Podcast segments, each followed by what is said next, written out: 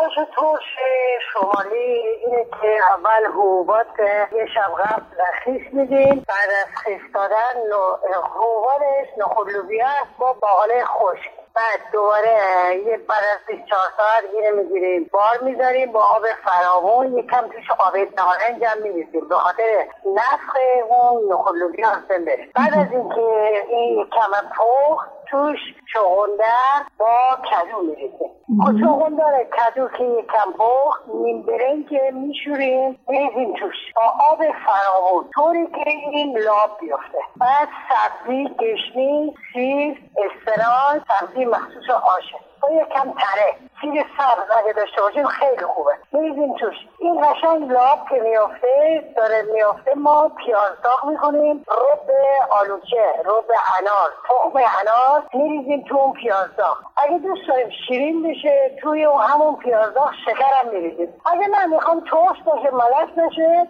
همون ترش بار می‌کنیم اینقدر این میگوشه آروم آروم تا لاب بیفته. نمک فلفل زردچوبه دارچین فراوان. توش میریزیم و این میشه آش ترش شمالی بعضی یه سبزی هست به نام چیچاق یا زلنگ. اینو توش میریزه. این هر کس به مجاز نمی‌سازه. هر کسی از این دو خوشش نمیاد. ولی در اصل میریزیم. این میریزیم توی همراه با سبزی میریزیم توش. سبزی آش گشنیز است برگ چغندر است سیر است تره است و همین چیچاق. این میریزیم تو اونو یه چیز خوشمزه میشه برای آش زمستونی هم برای سرماخوردگی خوب به خصوص سرماخوردگی که کونه بشه.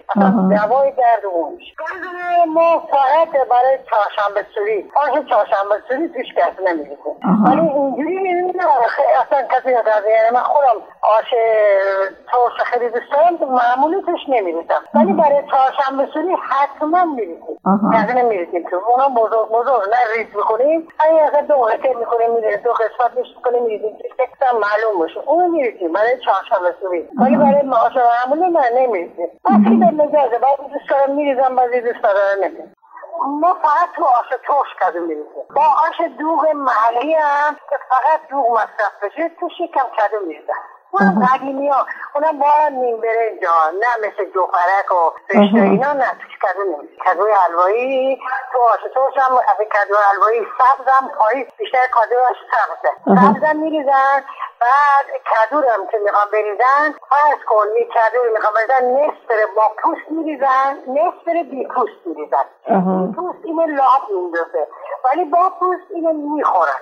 مصرف درسته میمونه اونو با همراه آش می‌خورن.